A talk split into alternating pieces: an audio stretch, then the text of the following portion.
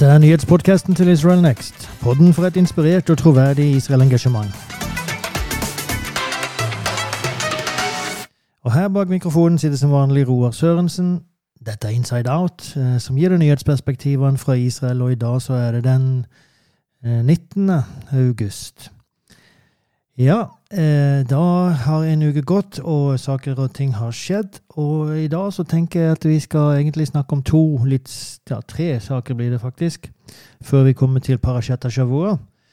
Um, og det første har å gjøre med jødiske jøde, jødiske tilbedere, altså worshippers, eh, jøder, som besøkte Josefs grav, og eh, som ble angrepet av terrorister der.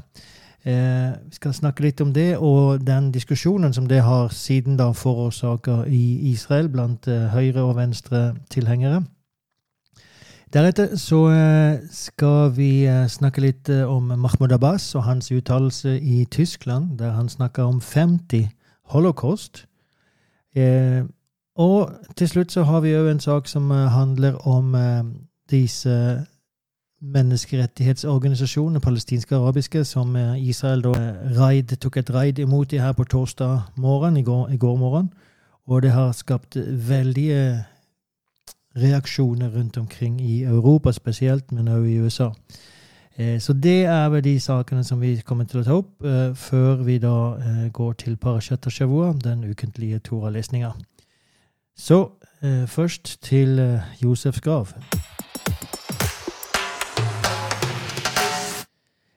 Så igjen så skjedde det. Det her er ikke første gang at uh, jøder som kommer til Josefs grav for å be, uh, blir angrepet av palestinske arabiske terrorister. Josefs grav ligger jo i, Nablus, altså Sikhem. Det ligger i utkanten der.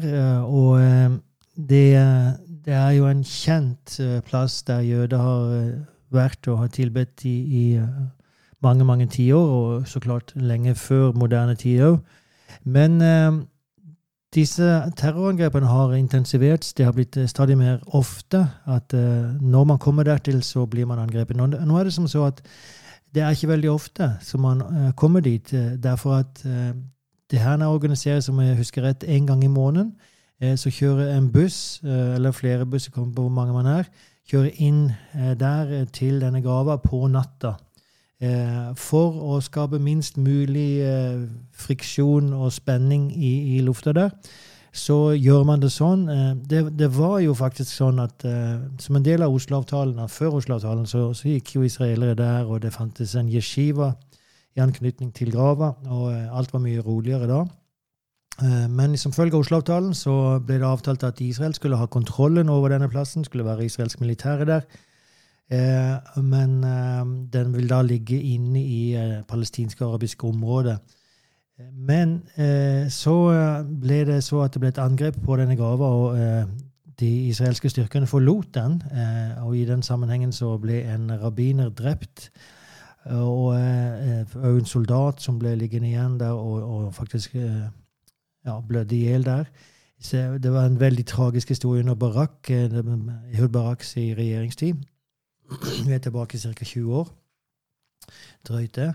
Og um, som resultat av det så forlot uh, Israel Josef Josefs grav og har siden bare reist fram og tilbake da med disse transportene. Eh, palestinske selvstyre da, har kommet fram til en avtale med de at de på en eller annen måte skal, skal ta hånd om denne plassen, så ikke den blir vandalisert, for det ble den da for drøyt 20 år siden. Eh, det har den blitt siden òg, men eh, ikke like ille som da. Så i alle fall så er det her en plass som det har vært mye eh, oppstand rundt de siste 20 åra. Spesielt eh, altså etter Oslo-avtalen og eh, de siste 20 åra. Um, så da så har det her eventen skjedd igjen denne uka. Og da så hørte jeg et par intervjuer på israelsk radio og fulgte med litt på diskusjonen som, som pågår der. Og da var det først et intervju med en general i den israelske armeen. Han er nå gått av med pensjon. Eh, men de går jo av med pensjon ganske tidlig, så han er i, i 50-åra. Og eh, han eh, Gadi Shamni heter han. Eh, han. Etter at han gikk av som, med pensjon, da, så har han blitt veldig etter hvert da, blitt veldig sterk forespråker, talsmann for venstresida. Og det Han har bl.a. kommet med en uttalelse der han sier at Israel er verdensmester i okkupasjon. Og det er jo så klart Så fort en israeler spesielt da bruker det ordet, så er det veldig politisk bevisst. Er veldig, man er veldig bevisst på, på, hvilket budskap man vil sende. Internasjonalt så er det ordet brukt hele tida. Og der, eh, der, vet man jo så klart at det er anti-israelsk, men det er jo det altså der, der, der, er det bare sånn det er, og det er ikke så mange som tenker gjennom det. Israel er en okkupasjonsmakt i uh, verdens øyne. Skal si noen få ord om det etterpå. Men uh, når en israeler bruker det her ordet, da er det veldig det er veldig tungt lada ord i Israel å, å, å, bruke det ordet. Og da plasserer du det med en gang eh, langt til venstre på det politiske spekteret. Så i alle fall, eh, det var en uttalelse han gjorde i 2016. Eh, men eh, nå så kom han ut og mente på at disse besøkene til Josefs grav, disse nattlige besøkene en gang i måneden, de må ta slutt. For de setter soldater i fare nesten hver gang, så nå så blir det altså skyting mot terrorister og altså terrorister angriper, så blir det gjensvar fra israelske soldater. Men det setter både soldater og sivile i fare. Så vi eh, må slutte med dette med å dras bort fra denne Josefs grav. Eh, la meg bare da si no, noen få ord om dette her ordet ok okkupasjon. Eh, for eh, Altså bare veldig kort.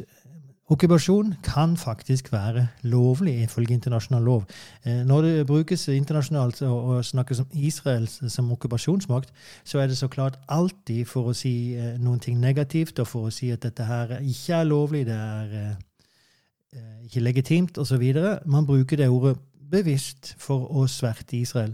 Men faktum er jo at internasjonal lov eh, innser og erkjenner at det finnes tilfeller der okkupasjon kan faktisk være lovlig. Og det er spesielt da om du tar et område i en forsvarskrig. Eh, da kan du beholde det til det foreligger en fredsavtale. Da, da, da administrerer du dette området ifølge internasjonal lov, og da finnes det regler for hvordan man skal administrere det.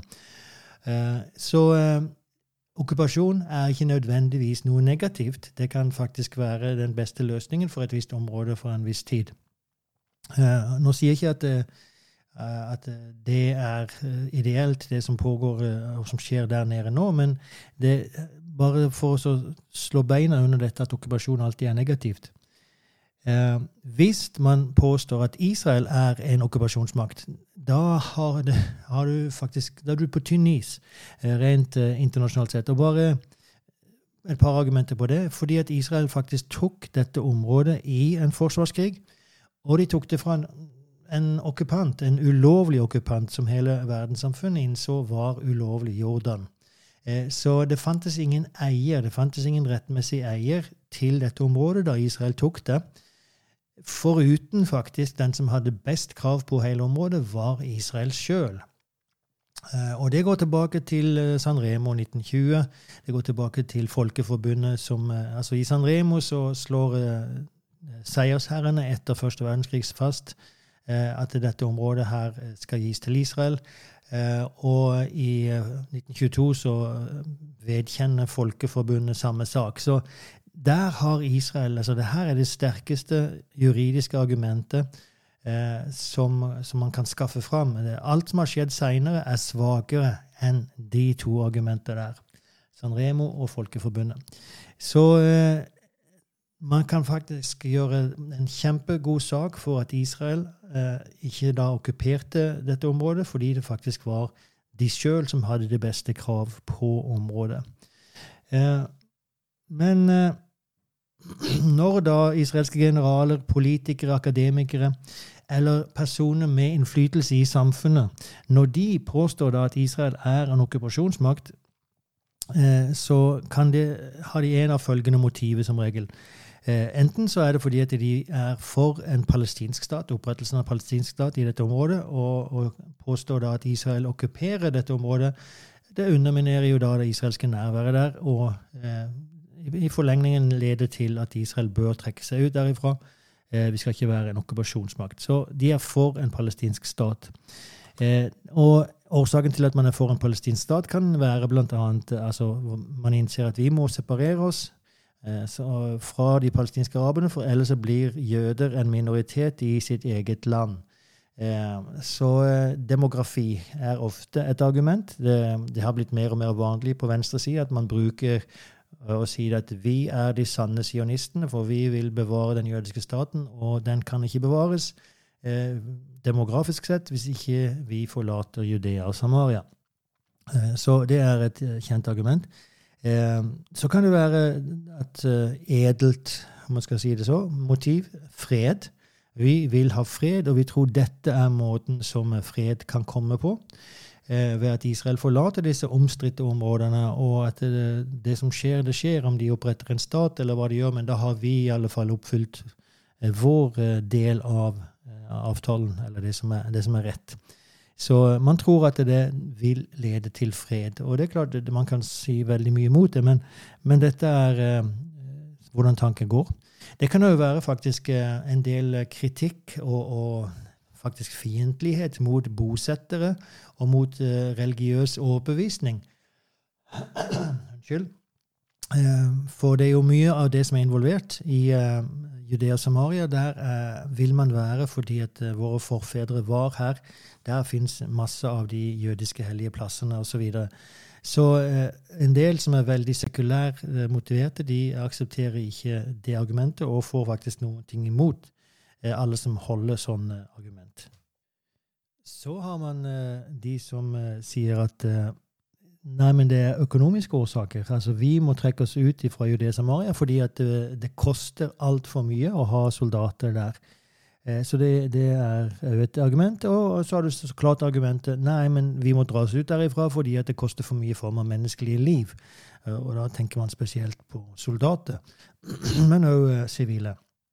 Så det finnes en masse uh, årsaker til at noe folk i Israel på venstresida kan bruke dette ordet. Så finnes det så klart motargument mot alt dette som jeg har sagt nå, men uh, det jeg vil få fram her, er at når israelere bruker ordet, så er det nesten alltid en eller annen politisk agenda bak det. så det var Gadi Shamni, den tidligere generalen.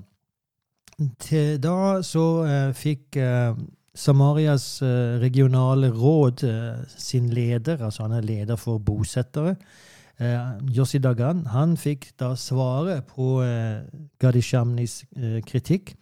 Og han sier for det første da at Gadishamni har jo fått nå da en tendens til å alltid gå etter bosettere. Eh, og uh, han har liksom an axe to grind. Altså han har noe imot eh, bosettere, virker det som. Så det var ikke overraskende at eh, uttalelsen kom fra han, sier eh, Yossi Dagan. og så er det jo det at han legger skylda på disse jødiske tilbederne som kommer til plassen, istedenfor å legge skylden på terrorister. Altså det, det er disse jødene som besøker plassen, som er problemet eh, istedenfor å da også, som man åpenbart bør gjøre, gå etter de som faktisk skyter. Eh, det er ikke de som ber, som er de voldelige. Det er de som faktisk har et våpen i hånd. Eh, og eh, Han sier òg at eh, Gadeshamni har jo ingen forståelse for jødisk historie og for religiøs overbevisning. Altså han, han skjønner seg ikke på disse tingene. For han så er det ikke verdt noen ting. Eh, men så da kommer eh, Jossi Dagan sin løsning og sier at i stedet for å dra oss tilbake fra denne Josefs grav, som er en hellig plass for jødene, så bør vi heller se til at vi får et permanent eh, nærvær på plassen. Se til at eh, IDF, den israelske armeen, eh, etablerer seg permanent der, og at vi uten problem kan reise fram og tilbake sånn som vi gjorde før, før Oslo-avtalen. Og eh, det man kan si da, eh, når man hørte argumentet på begge sider, er jo at eh, begge parter, både på venstre og høyre side, er utilfredse med den nåværende situasjonen. Begge synes at den er dårlig. Og han ene fordi at det setter jødiske liv i fare, han andre fordi at det ikke er godt nok. Dette er en plass vi bør kunne ha tilgang til hele tida. Men det finnes jo ingen tvil i mitt sinn at Yossi Dagan har rette løsninger ta kontroll. Alt annet vil jo være å belønne terrorister. Og det vil være å sende et budskap til terrorister at hvis dere bare trakasserer, harselerer, angriper, terroriserer nok, så vil Israel bøye kne og vil forlate. Så hvis det fungerte ved Josefs Skav, så vil det fungere andre plasser. Så det er så utrolig prinsipielt viktig. Um, så klart så er det historisk viktig. Det er, det er rettferdig at uh, det skal finnes et jødisk nærvær på denne plassen. Uh, så det finnes det moralske argumentet òg. Men det finnes det rent praktiske argumentet at hvis man forlater der, så får man problemer andre plasser.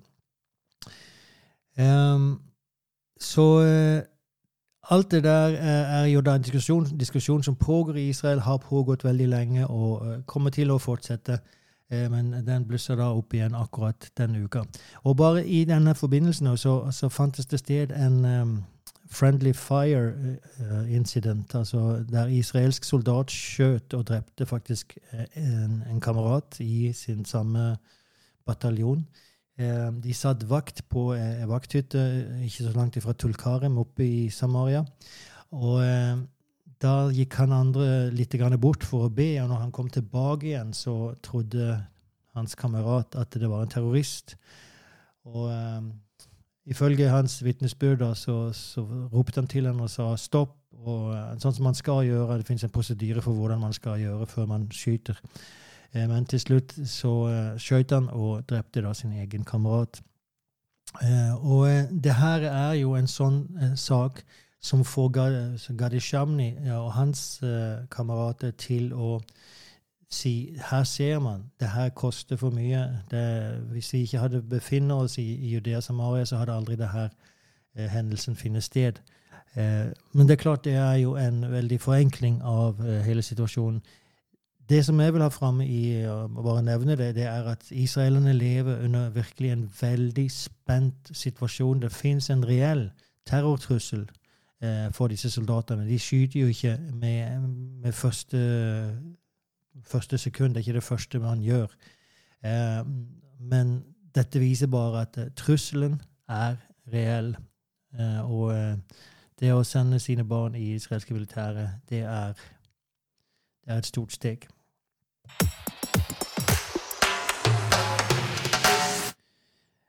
Da skal vi gå videre til Mahmoud Abbas. og Han er jo altså leder for det palestinske selvstyret.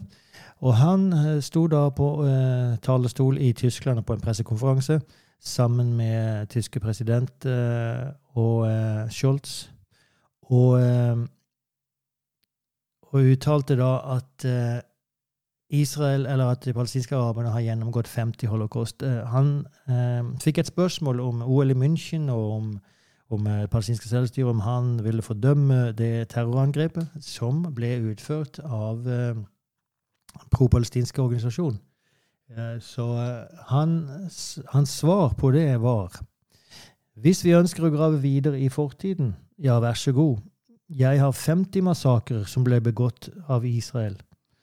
50 massakrer, 50 holocaust, og fram til i dag, hver dag, har vi døde mennesker drept av den israelske hæren. Så her altså så, så snakker han om 50 holocaust. Og eh, da, der og da på denne pressekonferansen så sa ikke Scholz noen ting. Eh, etter pressekonferansen tok de hverandre i hånda og gikk hver sin vei. Eh, men han innså jo det etter hvert og ble jo gjort oppmerksom på det sikkert, at det her er jo forferdelig. Så dagen etterpå så eh, kommer han med en sterk fordømmelse, Scholz, og han sier følgende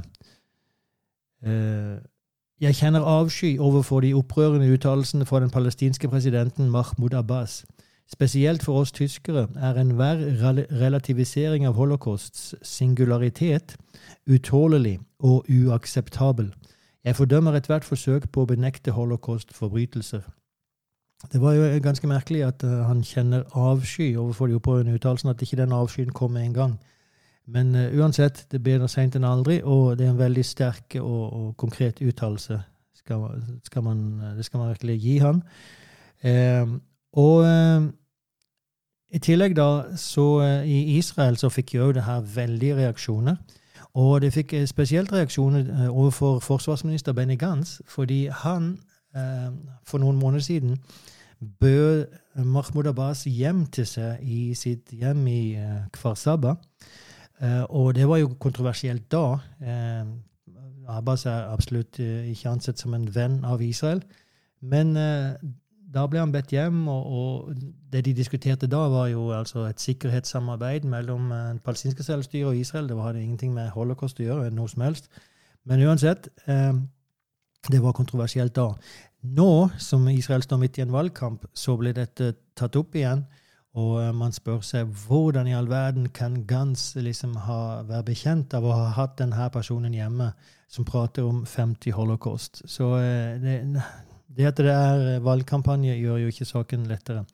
Men eh, statsminister Jeri Lapid, som òg er sønn av to holocaust-overlevere altså hans foreldre, Begge hans foreldre eh, overlevde holocaust. Han sa følgende Mahmoud Abbas, som anklager Israel for å ha begått 50 holocaust mens han sto på tysk jord, er ikke bare en moralsk skam, men en monstrøs løgn. Seks millioner jøder ble myrdet under holocaust, inkludert halvannen million jødiske barn. Historien vil aldri tilgi ham.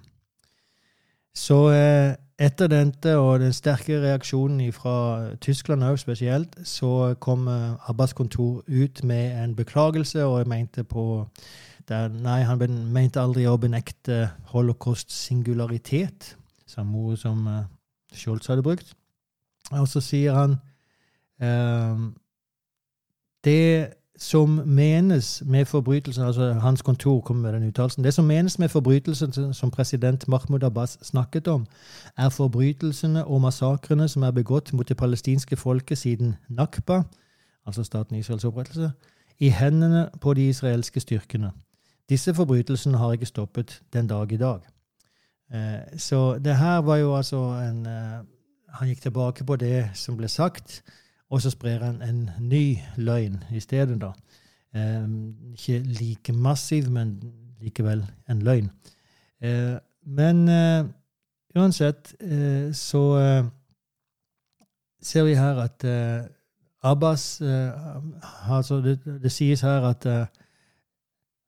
at han ikke fornekter holocaust singularitet.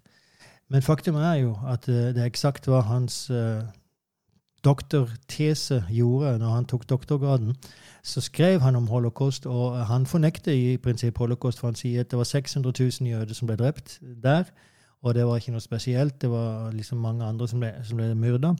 Eh, og dessuten så var eh, det sionistiske lederskapet, som på den tida, altså i pre før Israel ble oppretta, de var med på det her. Det var en del av deres plan. Så han, han sprer jo voldsomme løgner. Han fornekter definitivt eh, holocaust singularitet. Men han sa vel det han følte han måtte si for å få tilbake litt eh, Om ikke troverdighet, så i alle fall støtte i Europa. Og eh, man kan bare slå fast at sannhet har aldri vært en styrke for de arabiske lederne når de taler om Israel i sin relasjon til Israel så har sannhet aldri vært det som de kan eh, være stolte av.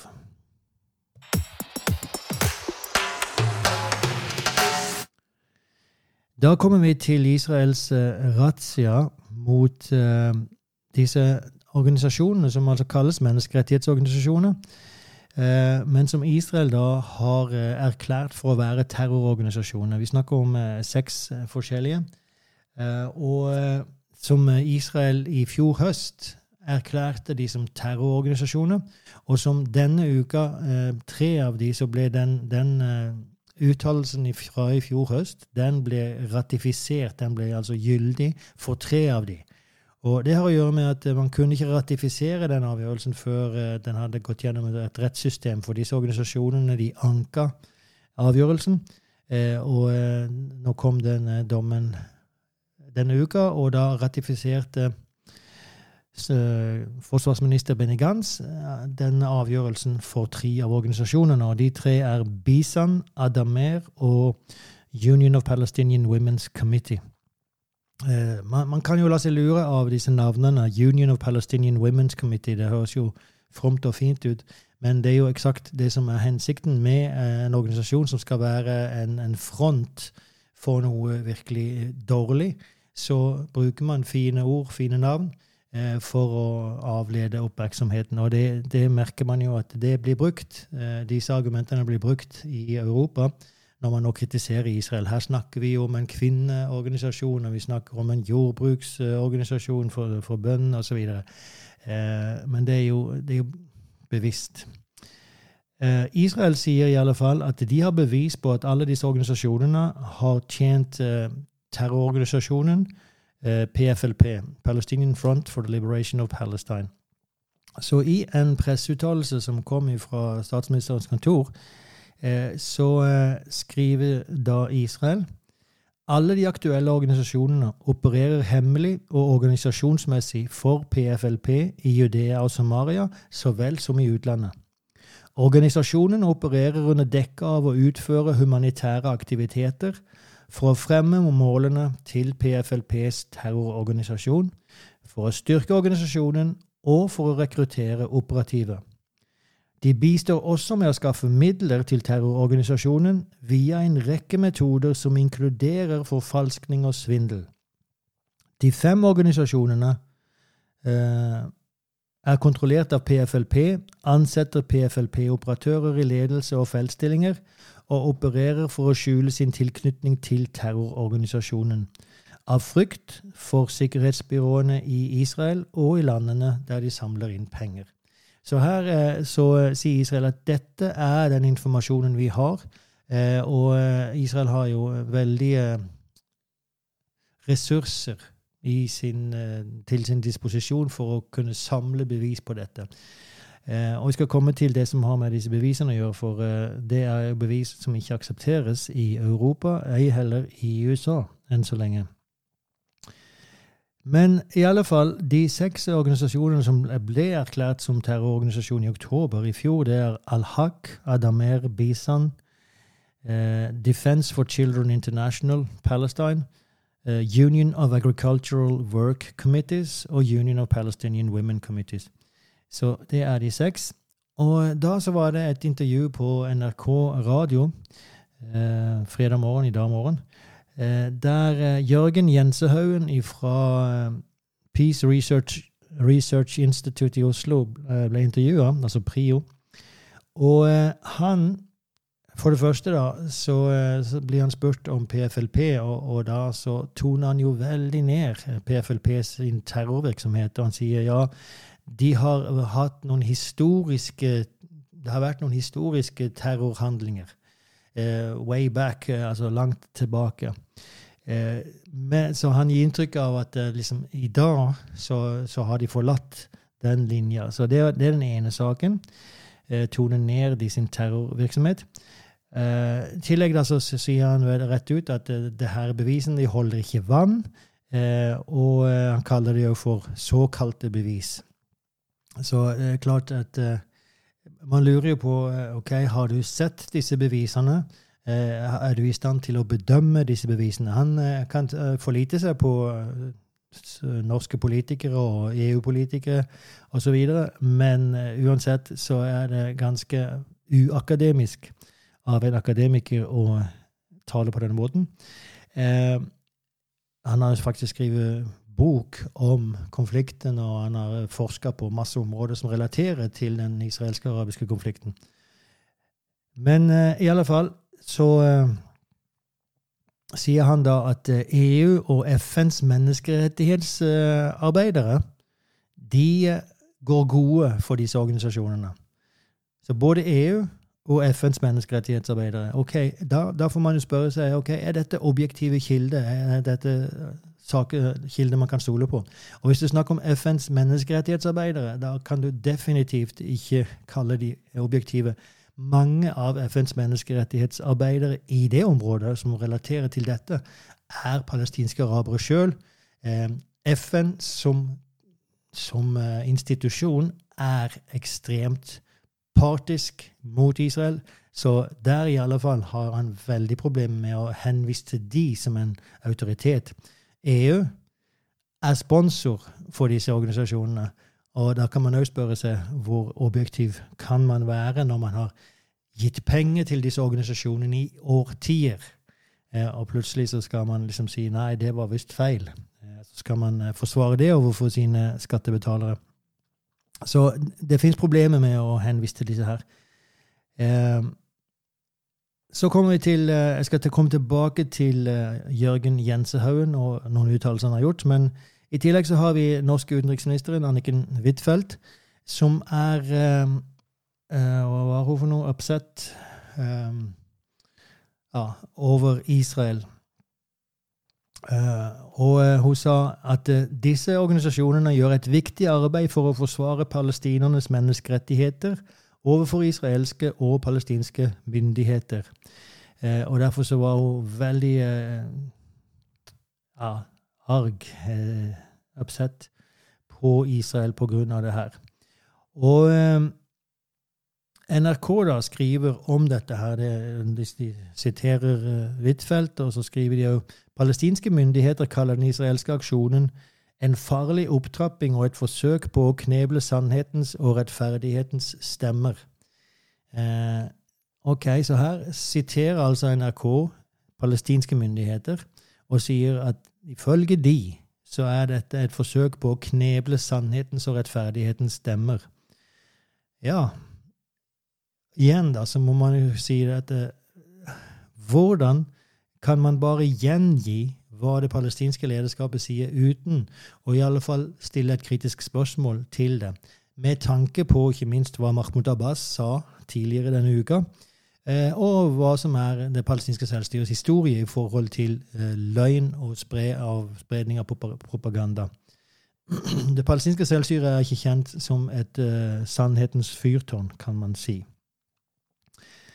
Um, Huitfeldt sier videre at et levende sivilsamfunn er viktig for å ivareta og fremme demokratisk utvikling i Palestina, og for å støtte opp om en tostatsløsning. Helt rett. Et levende sivilsamfunn er viktig for å ivareta og fremme en demokratisk utvikling. Og så legger hun til det så klart i Palestina her, fordi det er det å snakke om. Eh, bare, hvis man bare stopper der at et levende sivilsamfunn det fremmer demokratisk utvikling, så kan du gå rett til eh, Israel og se eksempler på det. Et glimrende eksempel på et levende sivilsamfunn som beskytter demokratiet. Eh, men i Palestina så er det litt annerledes, og derfor så er det helt rett at hun legger vekt på at dette er viktig eh, om det skal styrke demokrati i Palestina, som hun kaller det da, palestinske selvstyre. Men så legger hun til og for å støtte opp med en tostatsløsning. Og det er der eh, som jeg ser et stort problem, eh, og det er fordi at det lander alltid i en tostatsløsning. Eh, man, ha, man, man, har ikke evnen til å se forbi Eh, eller se alternative løsninger. Nå har man forsøkt med tostatsløsningen faktisk, eh, altså man kan si siden 1947. Man kan egentlig si tidligere, men, men, definitivt siden 1947. Så har man forsøkt å få til en tostatsløsning. Det er et paradigme som ikke fungerer. Eh, og spesielt etter Oslo, eh, da det ble gjort et seriøst forsøk på å få til det her, det har bare blitt verre. Så kanskje det er på tide å se at det kan finnes en alternativ løsning. Eh, men når man er låst i dette her, eh, da er man låst i liksom, en metode for å komme dit. Og da må man skaffe et palestinsk demokrati eh, for å fremme dette. og spørsmålet er om det behøver å være en Palestina i det hele tatt. Eh, men uansett så hjelper det ikke veldig mye når man er låst fast i en spesiell eh, løsning og ikke kan se forbi den. Det som er interessant, er at alt dette skjer mens Israel har en eh, senter-venstre-regjering. Forsvarsministeren Benny Gantz, som da sto bak ordren om å gå til disse razziaene, som også sto bak avgjørelsen om å ratifisere at tre av disse terrororganisasjonene er terrororganisasjoner. Han er, tilhører senter venstre. Dette her er ikke en uh, høyrevritt uh, israelsk regjering som forsøker å slå til uh, mot det palestinske selvstyret på en eller annen urettferdig måte. det hadde ikke den høyre regjeringen i Israel gjort uansett. Men det her er i alle fall en senter venstre Og det bør i alle fall si, sende et visst budskap. En annen sak er, eller, som relaterer til dette altså NGO Monitor er en organisasjon som monitor, altså det overvåker ulike organisasjoner, NGO, menneskerettighetsorganisasjoner. Og de har gjort en undersøkelse på disse seks organisasjonene. De gjorde det i forbindelse med fjorårets sak. Og rapporten ligger jo ute, så man kan se den hvis du går til NGO Monitor sin hjemmeside. Og der så, så sier man veldig tydelig altså Man har samla på seg informasjon om disse gruppene. Bare basert på hva som er åpent. Det her har jo ikke, de har ikke ressursene til israelske etterretningstjenesten til disposisjon. Men de har kommet fram til å slå fast at selv det palestinske selvstyret, så kilde innen det palestinske selvstyret, sier at Adamer, en av disse organisasjonene, er en PFLP-organisasjon. Altså Her kommer det fra de sin egen munn. Adamer tilhører PFLP. Um, det fins PFLP-aktivister og ledere som er ansatte i Adamer. Eh, deres kontor har blitt brukt til å planlegge angrep, eh, de, eh, til å skaffe funding, altså inntekter. Eh. De har eh, Flere av deres medlemmer, eller ansatte, Adamer sine ansatte, har blitt eh, fengsla i Israel for terrorengasjement. De har gjort talløse uttalelser til støtte for terror. Det fins en kar som heter Salah Hamouri, som er en, eller var i alle fall, en advokat og en feltetterforsker uh, for Adamer. Og han uh, har et bilde der han stolt poserer sammen med kjente terrorister, erketerrorister skal man kalle de, Ahmed Sadat, Samir Kuntar, Marwan Barghouti. Alle disse tre er kjente navn for israelere. Ahmed Sadat var med på den som planla mordet på israelsk turistministeren Rechaveam Sevi. Samir Kuntar eh, begikk et forferdelig grotesk mord på en familie på stranda i, utenfor uh, Kuneitra. Nei, utenfor sier for noe, Kuneitra, utenfor uh, Naharia, oppe i Nord-Israel. Kommer fra Libanon. Og uh, Marwan Barghouti, tidligere leder for Tansim, en ungdomsorganisasjon innen Fattar, som sto for masse terrorangrep. Og personlig er han dømt for fem mord. Sitter i israelsk fengsel. Alle disse tre har sittet i israelske fengsler. Samir Kontar ble, ble, løslatt. Uansett, eh, så da har vi altså eh, Adamer, ansatte Salah Hamouri, som stolt poserer sammen med disse tre. Um, I tillegg så har vi òg um, den økonomiske lederen for denne jordbruksorganisasjonen, han heter Samir Arbid, og han ble arrestert for mordet på Rina Schnerb i 2019. Det var ei bombe som ble lagt i en veikant, og som ble avlyst med fjernkontroll da eh, Rina Schnerb eh, hos sin pappa og hos sin bror gikk forbi der på veien i 2019. Um, ehm, så eh, det fins direkte koblinger her uh, mellom terrorister og disse organisasjonene. Men i alle fall, det som har skjedd i Norge, er jo at Norge, norsk media og menneskerettighetsorganisasjoner, akademiske institusjoner, eh, politikere, de har jo gått av hengslene i eh, sin fordømmelse av Israel.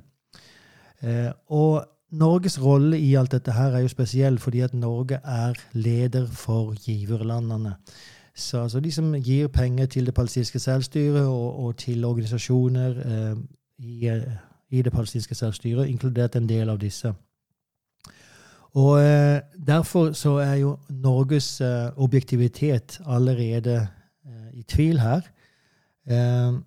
Norge nekta jo å holde tilbake sine økonomiske donasjoner til disse organisasjonene etter oktober i fjor, da Israel gikk ut og sa at disse var terrororganisasjoner.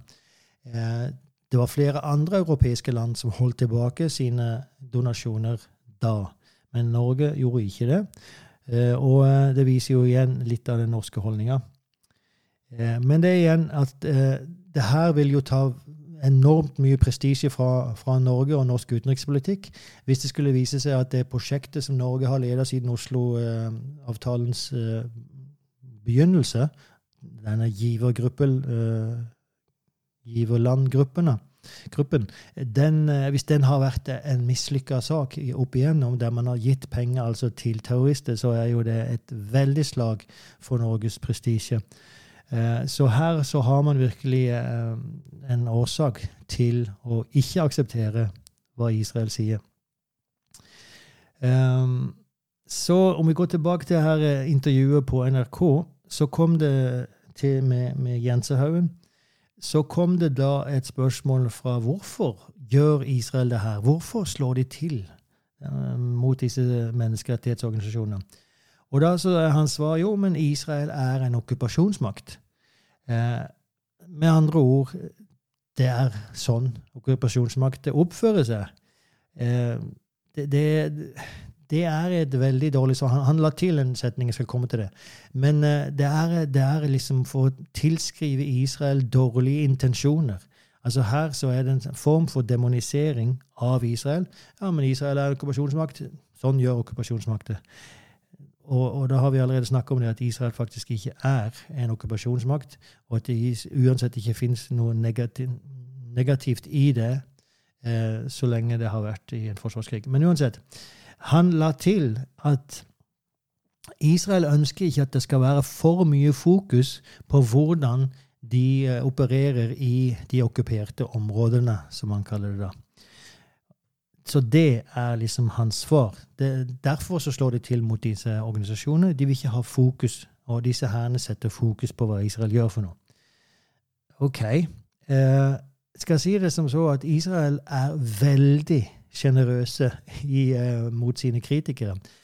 Uh, de er en nasjon som kanskje mer enn noen annen, jeg tror jeg definitivt kan si mer enn noen annen, aksepterer kritikk på alle nivåer, inkludert i sitt eget parlament, der man har eh, parlamentsmedlemmer eh, som anklager Israel for massakrer, parlamentsmedlemmer som eh, er ute etter å ødelegge essensen av Israel som stat altså den jødiske identiteten. Eh, parlamentsmedlemmer som går imot Israel og forsøker å stille Israel for internasjonale domstolen i Haag. Altså, og disse fortsetter å være parlamentsmedlemmer. De fortsetter å stå på talerstolen i det israelske parlamentet. Eh, så jeg skulle likt å se en lignende sak skje i Norge. Israel har ikke problem med kritikk. I tillegg til det så finnes det et utall av menneskerettighetsorganisasjoner, eller såkalte NGOs, mange altså non-governmental organizations, De, de fleste, eller veldig mange av de er engasjert i menneskerettigheter.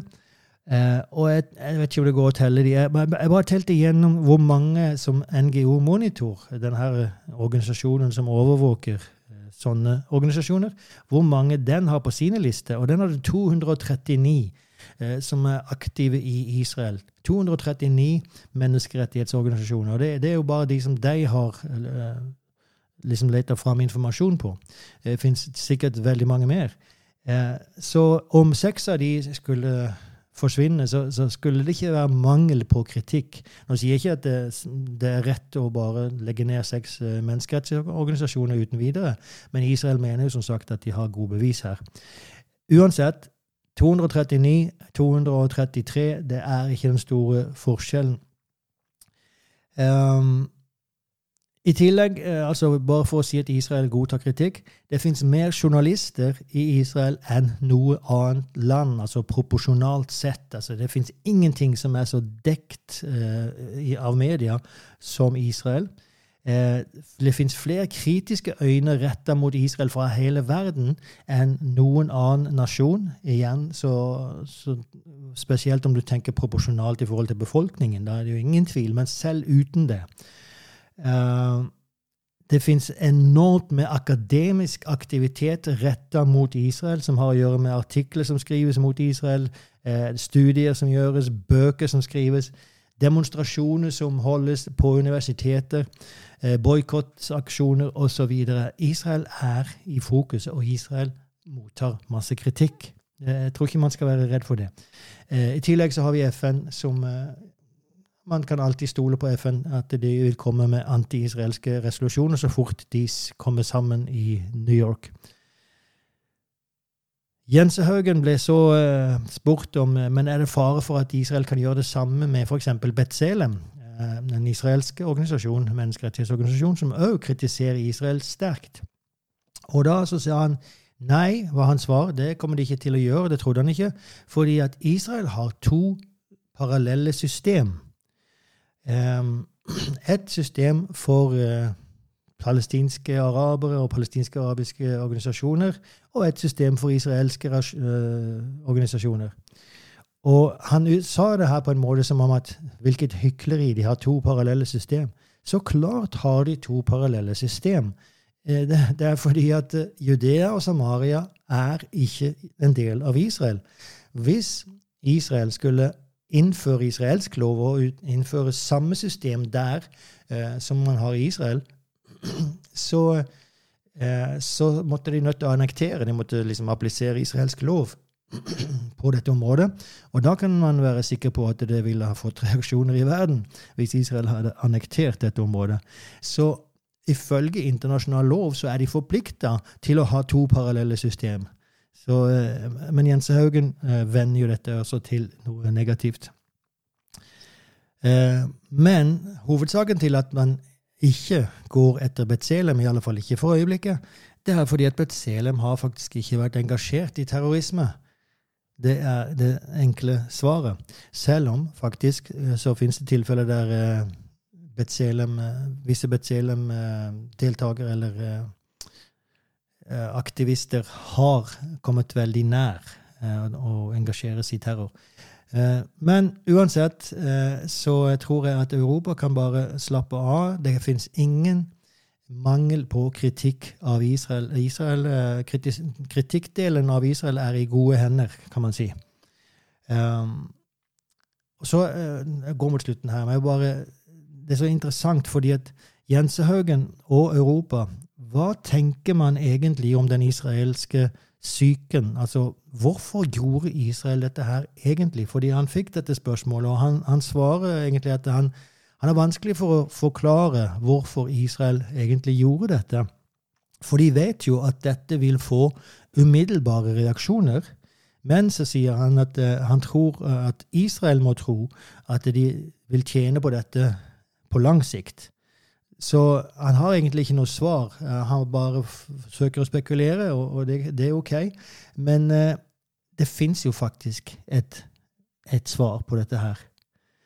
Uh, altså, man, man, skulle jo kunne tenke seg at uh, Europa tror at Israel har hatt det for synes de har hatt det for kjedelig for lenge. De har ikke fått nok kritikk den siste tida, så la oss slå til mot noen menneskerettighetsorganisasjoner, så, så får vi litt leven her. Altså, det virker jo nesten som at man, man tenker sånn. Men det fins faktisk en, en, en, bedre løsning, et bedre svar, enn det Jens Haugen kom opp med. Og uh, i uh, den vitenskapelige verden og i filosofi så fins det noe som kalles for Ockhams barberkniv. Og Ockhams barberkniv, barberkniv sier følgende ifølge Miriam og Webster en vitenskapelig og filosofisk regel om at enheter ikke skal multipliseres unødvendig. Dette tolkes som at den enkleste av konkurrerende teorier foretrekkes framfor de mer komplekse. Med andre ord, altså, den enkleste løsningen skal foretrekkes. Hva er den enkleste løsningen for uh, at Israel slår til mot disse organisasjonene? Jo, det kan jo faktisk være så at Israel tror at de er engasjert i terror. Det skulle faktisk forklare det. skulle forklare hele altet.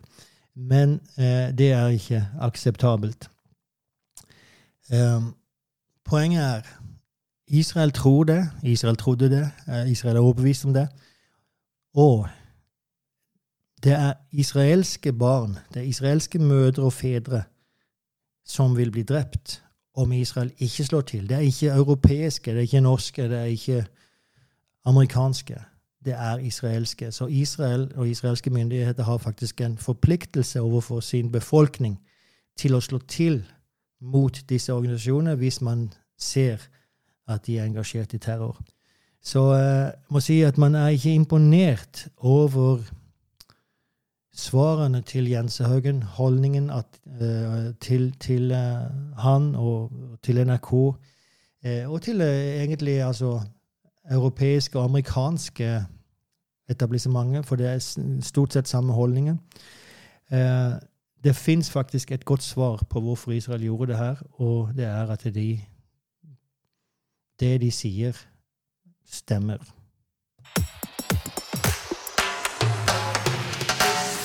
Da så kommer vi til eh, Parashat Shavua, og eh, den eh, den eh, er ifra, den heter Ekev, eh, fra 5. Mosebok 7.12 til 11.25.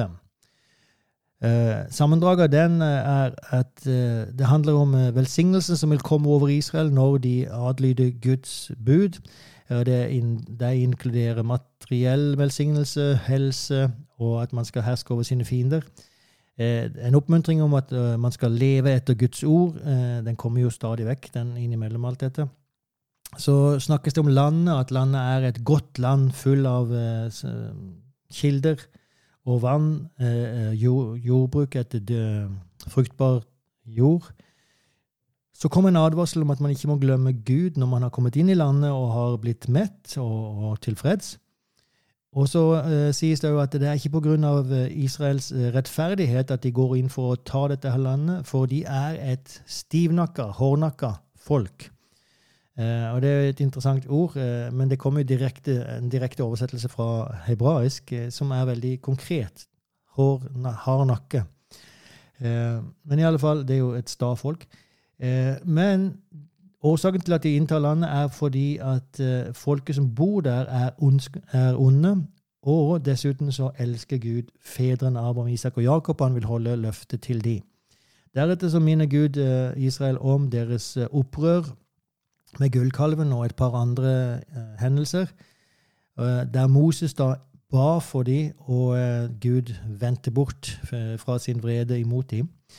Moses forteller deretter historien om hvordan han fikk lovtavlene. Og deretter så kommer det et par praktiske saker angående loven om omskjærelse, om hvordan man skal behandle den fremmede, og om å elske Gud igjen. Og så kommer det om landet igjen, at Guds øyne er alltid over dette landet. Og det vil få regn i rette tid når uh, Israels barn følger Guds lover. Og til helt til slutt så kommer det en grensebeskrivelse der det står at grensene for landet går fra Eufrates uh, til den vest, uh, vestlige sjøen, altså Middelhavet. et par kommentarer til dette. Det ene er Se til at du ikke glemmer. Det er en av disse kommentatorene. Og dette uttrykket 'se til at du ikke glemmer' er uh, gjentatt fire ganger i denne teksten. Og, og man spør seg hvorfor. Eh, jo, for hvis du glemmer hvor du kom fra, hvis du glemmer hva Gud har gjort, hva han har sagt, så kommer du ganske sikkert til å gå deg vill. Du kommer til å forlate Gud. Og da så finnes det en uttalelse fra en veldig kjent uh, jødisk rabbiner som levde på 1700-tallet Baal Shem Tov, og han sa In remembrance lies the secret of redemption. I det at man husker, ligger forløsningens hemmelighet. Så hvis man vil forstå, hvis man vil nå forløsningen, så må man huske. Og eh, jeg tror det er en veldig bra sak i en verden som vi lever i nå, der enormt fokus ligger på det nåværende og eventuelt på framtiden, men da spesielt min framtid, min karriere. Eh, at vi husker, at vi drar eh, linjene tilbake igjen. I, i, i vårt samfunn så blir histori historien blir eh, liksom neglisjert og forakta. Til og med eldre personer som de kommer fra historien, de, de, de blir forakta. Og det er det unge, det er det nå, det hippe, og det er framtiden som det legges vekt på. Men eh, da har vi til og med i Nytestamentet der Jesus eh, gir et av de siste budene han gir, det er 'gjør dette til minne om meg'. Altså innstiftelsen av nattverden. Så eh, det fins visse saker som du må huske, for det, det hjelper deg å bevare en jevn, stødig vandring i livet. Så interessant observasjon der. En annen sak er at å lytte er større enn å se. Og dette går tilbake til ordet shma, som vi finner igjen her. Shma Israel, altså hør Israel. Det er den eh, enkle oversettelsen av ordet shma. Eh, men hør er mer enn bare å høre. Det er faktisk å adlyde. Det er å internalisere, altså la det gå inn, la det bli en del av det, det som du hører. Og Bibelen legger et enormt fokus på dette med å høre, mye mindre på å se. Det fins uh, saker om å se, men høre er det store. Og ved Sinai så sier Moses til Israels barn, så hørte dere, men dere så ham ikke. Dere hørte lyden osv., men dere så ingen skikkelse. Elias, når Gud tok han ut i, ørkenen der, til Horeb, så var det masse storm og, og, vind og sånt, men Gud var i den stille røsten. Eh, når Samuel skal salve David, så, så får han høre Se ikke til det ytre, men se til det indre. Så det, er, det, er, mindre fokus på å se, det er større fokus på å høre. Greske kulturen er motsatt. Der, og her, Det her hentes fra en av kommentatorene som jeg leste. Den greske kulturen er veldig visuell.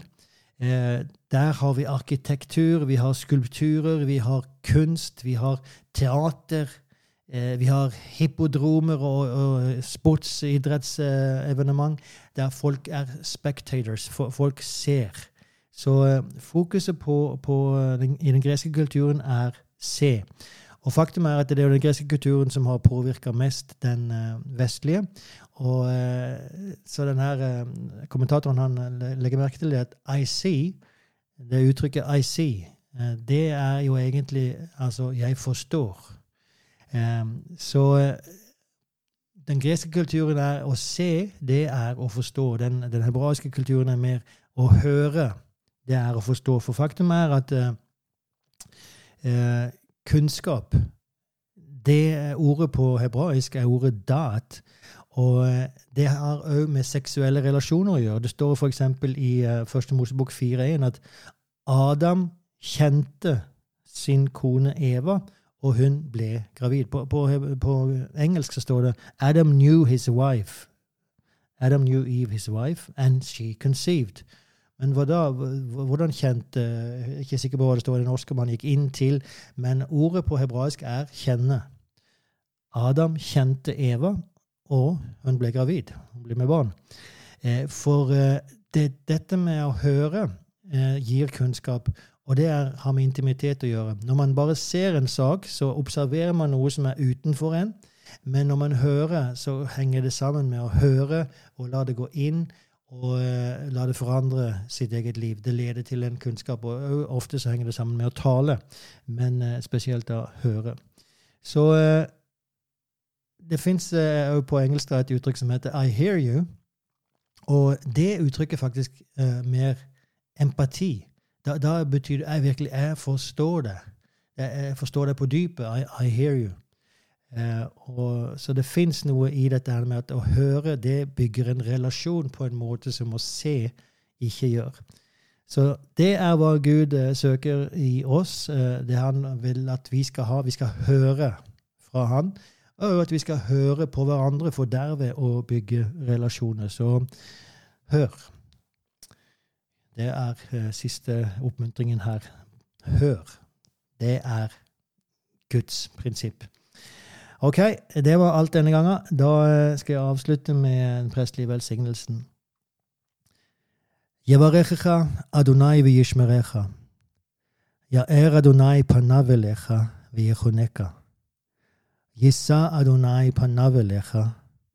Adonai shalom. Amen. Da sier jeg takk for meg, og til neste gang, si noe godt om Israel.